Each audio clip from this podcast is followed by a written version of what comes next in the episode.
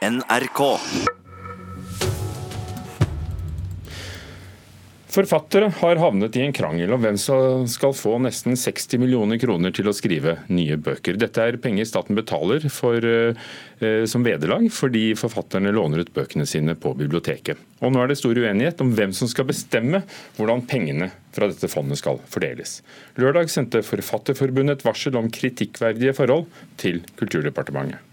Stridens kjerne er at eh, vi er fem eh, skribentorganisasjoner som har eh, forhandlingsrett til bibliotekvederlaget. Og så skal vi da som ny skribentorganisasjon innlemmes i det fondet som forvalter disse midlene. Der slipper vi ikke til. Leder for skribentorganisasjonen Forfatterforbundet, Eistein Hansen, føler seg utestengt fra Norsk forfatter- og oversetterfond. Fondets oppgave er bl.a. å forvalte flere millioner kroner fra staten til skjønnlitterære forfattere som har bøker i offentlige bibliotek. I år er pengesekken fylt av 58 millioner kroner. Det vi reagerer på, er at Forfatterforbundet har fått samme rett til å motta og forvalte bibliotekvederlagsmidler som Forfatterforeningen, Oversetterforeningen, Dramatikerne og barne- og ungdomsbokforfatterne, men vi holdes aktivt utenfor forvaltningen. Det kjenner ikke vi oss igjen i. Uh, vi har uh, forhandla og forsøkt å finne en løsning sammen med dem siden februar i år. Fondets leder Ika Kaminka mener de ikke holder Forfatterforbundet aktivt utenfor fondet. Eh, vi har jo forhandla og vi har vært innstilt på å ta de inn i fondet, og holdt på med dette siden februar, da de fikk eh, forhandlingsrett. Men det er fryktelig komplisert. Eh, men vi klarer ikke å finne og enes om en fordelingsmodell, eller en prinsipp for fordeling av disse midlene. Så problemet går på hvordan en da skal fordele midler innad i dette fondet, der det er så ulike eh, måter å håndtere medlemmer på. Og det er her noe av kjernen i den fastlåste situasjonen ligger. Ifølge loven er det kun krav om å ha én bok i et offentlig bibliotek for å kunne søke om disse pengene. Men bør forfattere som gir ut bøker på eget forlag, ha samme rett til pengene som forfattere som er vurdert gode nok for store forlag? Og er forskjellene i krav som stilles til medlemmene et problem? Det er jo en forening som er ganske forskjellig fra de fire som er der fra før. Der eh, alle har kriterier, eh, profesjonskriterier for å være medlem. Når det gjelder forvaltningen av midlene, så kan en jo da eh, diskutere hva det betyr at disse, altså en stor del av disse medlemmene ikke har vært gjennom en annen vurderingsinstans enn seg sjøl. Men det poenget mener tidligere politileder og nå forfatter og medlem av Forfatterforbundet Hanne Kristin Rode ikke hører hjemme i 2019. Verden går faktisk fremover. Det er slik i dag at veldig mange flere mennesker skriver bøker enn for 100 år siden. Eh, det betyr ikke automatisk at det har kommet masse søppel på banen. Det betyr at det er mennesker som har noe de ønsker å formidle, eh, som også velger å utgi bøker selv, eh, fordi det er den veien skuta dreier. Kaminka håper de vil finne en løsning så fort som mulig. Det er ikke nødvendigvis en konflikt, det er en fastlåst situasjon som eh, vi absolutt er villige til å samarbeide om og finne en løsning på sammen med Forfatterforbundet, forhåpentligvis ganske raskt. Det sa Ika Kaminka, leder av Norsk forfatter- og oversetterfond. Og fondet møtes i morgen for å se om de kan komme frem til en løsning. Reporter var Petter Pettersen. Og nå, Det siste vi har fått høre nå, er at Forfatterforbundet sier til NRK at de ikke er invitert til noe møte med fondet i morgen. Vi har ikke møtt NFOF, altså Norsk forfatter- og oversetterfond, siden 19.9, til tross for flere henvendelser fra oss, sier Forfatterforbundets leder til oss. Kulturkommentator her i NRK, Agnes Moxnes. Hva er det som skjer her? Nei, Vi hører jo her at det er veldig stor eh, frustrasjon. Eh, og det har det vært siden begynnelsen av februar. For da fikk nye, denne nye forfatterforeningen, Forfatterforbundet, forhandlingsrett fra Kulturdepartementet. Og Kulturdepartementet har hele tiden vært veldig klare på at det skal være like rettigheter mellom de forskjellige skribentorganisasjonene. Eh, det har vært et hav av møter og utveksling av mail og, og stadig nye utsettelser utsettelser. Eh, krangelen har gått på hvor mye penger Forfatterforbundet skal ha, altså hvor stor del av kaka de skal ha På et tidspunkt så ba de om fem millioner kroner, ble tilbudt i underkant av en million. Det har vært krangling om hvem som skal representere Forfatterforbundet. Forfatterforeningen syns egentlig de kan gjøre det. Og det er også diskusjonen om disse medlemskriteriene. Så det er egentlig lett å forstå at dette oppleves som en aktiv trenering og et forsøk på å holde penga unna de nyorganiserte forfatterne. Kan ikke du bare forklare litt mer hvorfor de er så uenige? her? Det handler jo om penger. Det er jo en ganske stor eh, pengekake på 58 millioner kroner som plutselig skal fordeles på fler. Og det betyr jo igjen da at det er noen som får mindre enn det de har fått tidligere. Eh, og det er slik at dette nye Forfatterforbundet nå har meldt seg, og det er egentlig det rett og slett som er utgangspunktet for, for den situasjonen som vi står oppe i nå. Hva er denne krangelen eh, et uttrykk for? Den, eh, jeg syns nok at det er et uttrykk for at det antageligvis ikke var så klokt av Den norske forfatterforening å holde en stor gruppe forfattere utenfor eh, sin egen forening. For det vi ser nå, er at vi står oppi en, en, en revolusjon i måten bøker publiseres på. Før så ble det, gikk et manus inn til et forlag, en redaktør leste den, så ble den publisert som en papirbok. Nå publiseres det bøker som lydbøker, som digitale filer, eh, som papirbøker. Eh, og man kan også i stor, mye større grad, og mye, på en mye mer profesjonell måte enn før, eh, publisere bøker på egen hånd. Og nå står man i stedet for å stå samlet for å møte den virkeligheten der, så ser vi nå nå to forfatterforeninger, som begge er store, som sitter og krangler om penger. Mm. Og Hva betyr dette for oss lesere? Nei, altså Det vi ser her nå, er jo at staten har på en måte gått inn for å gitt pengestøtte for å stimulere alle typer forfattere, uansett om de er såkalt folkelige eller høylitterære forfattere. Og de siste forfatterne, de såkalt høylitterære, har jo nå inntil nå hatt eh, lettere tilgang på statens penger enn tidligere. Takk, kulturkommentator Agnes Moxnes. I dag skjer det, men mange hundre år for sent. Flatøybok overrekkes kongen på Slottet. Det er seks bind, de to siste er kommet på norsk nå. Torgrim Titlestad, hovedredaktør for verket i Saga Bok, forlaget og historieprofessor, god morgen. God morgen. Du har med deg de to siste bindene, men dette er prosjekter du har holdt på med lenge. Skal vi begynne der? Hva er Flatøybok? For mens mange har hørt om Sturlason og, og, Heimskringla og Snorre Sagar, så er ikke Flatøybok like kjent, men kanskje den er like viktig? Absolutt, kanskje viktigere. Problemet er bare at den er nesten tre ganger så stor som Snorre Sturlason. Og I vesle Norge så var det ikke nok folk til å finne ut at de kunne gjøre jobben. Og Forskerne og oversetterne har vært skremt av dette verket. Eh, det er så overveldende. Men dette er egentlig på en måte Norges første komplette historie, skrevet ferdig på slutten av 1300-tallet. Og begynner før Harald Hårfagre og går nesten fram til svartedauden. Og ideen som jeg er ganske sikker på at uh, hovedforfatteren eller sponsoren hadde, det var at dette skulle være en opplæringsgave til den nye norske kongen som var 17 år i 1387, men plutselig en morgen så døde han brått og uforståelig. Og nordmenn og islendinger spesielt, de trodde at han var snikmyrda.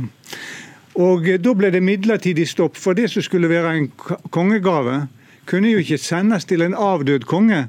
Og dramaet for nordmenn, islendinger, færøyinger, orknøyinger osv. For det, det verket omfatter hele det som før ble kalt Norgesveldet. Fra Vinland til Irskesjøen.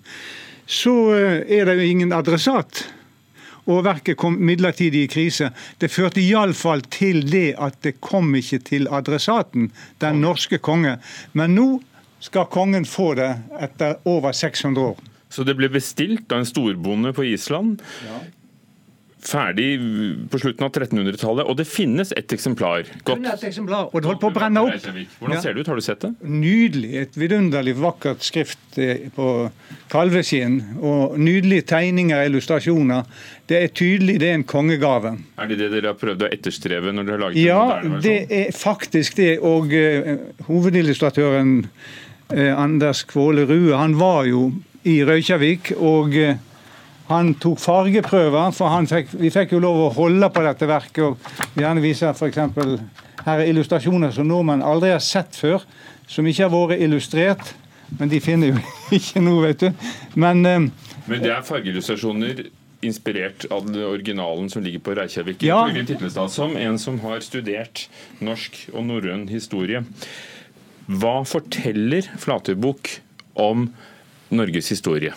Hva kan, hva kan kong Harald lære når han senere i dag får bindet overrakt eh, av deg på Jo, slottet? jeg tror den røde tråd i dette verket, det er og, og det var ikke alle i Island som var enig på det på det tidspunktet, for mange var begynt å bli skeptisk på den norske kongen.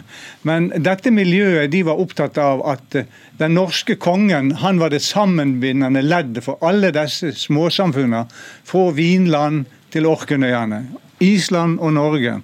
Og eh, Da var det viktig å ha en rettferdig konge som styrte etter lova. Sånn at tinget, tingets rolle og dynamikken mellom konge og ting, det kan du se i den røde tråd. Hvor troverdig er den som kilde? For den er jo også skrevet, selv om det er lenge siden 1387 nå, så er den også skrevet mange hundre år etter at eh, begivenhetene har funnet sted, eller skal ha funnet sted. Ja, Det er jo litt av eh, problemet med at den har fått dårlig renommé. fordi at eh, mange forskere trodde at den var dikta opp på slutten av 1300-tallet, men oppe på dette klosteret i Nord-Island så hadde de hundrevis av gamle håndskrifter, så de arbeider egentlig som moderne forskere i forhold til gamle skrifter. Men vi i dette verket legger oss ikke opp i hva som er faktisk eller ikke faktisk.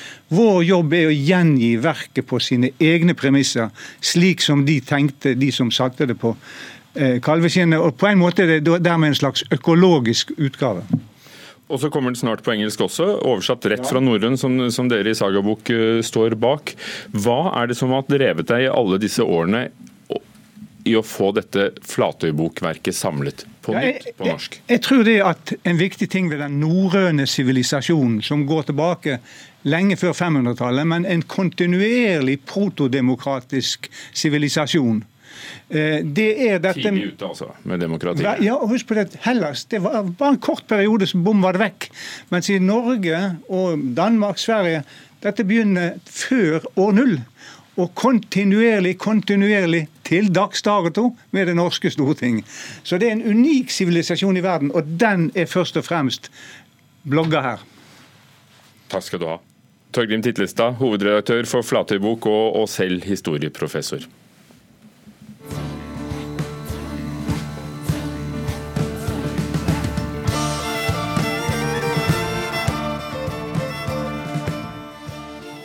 Alexander Rybak, som spiller i familiemusikalen Trolle og det magiske fela ved Kilden teater i Kristiansand. Forestillingen er basert på Rybaks egen barnebok fra 2015, den het det samme. Og så spiller han selv hovedrollen som Trolle i stykket. Teaterkritiker her i NRK, Karen Frøsland Nystøl. Du har sett den, hva syns du? Som show så syns jeg det er ganske godt. Det har høyt tempo, fine dansenumre, sangnumrene sitter. Eh, fremdeles så syns jeg historien, altså veien fra bok til scene, der har de litt å gå på. Det er litt løse tråder og sånn i denne, i denne forestillinga. Men eh, Rybak har jo komponert dette her, og som vi hørte, så er det ikke helt ukjente melodier og melodiske vendinger som han byr på i denne forestillinga. Så publikum får jo det showet som de vil ha. Man forventer show når man går og ser Alexander Rybak. Og dette er egentlig ja, en rockeopera for barn, nesten. Altså en krysning mellom fairytale og Witch Witch. Og her er han selv.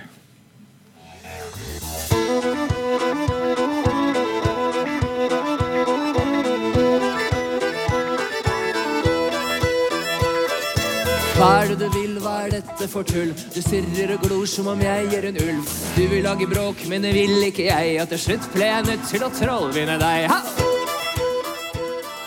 Eh, Rybak har eh, selv skrevet manus, musikken og teksten og spiller hovedrollen. Jostein Kirkeby Garstad har regien. Men hva handler det om?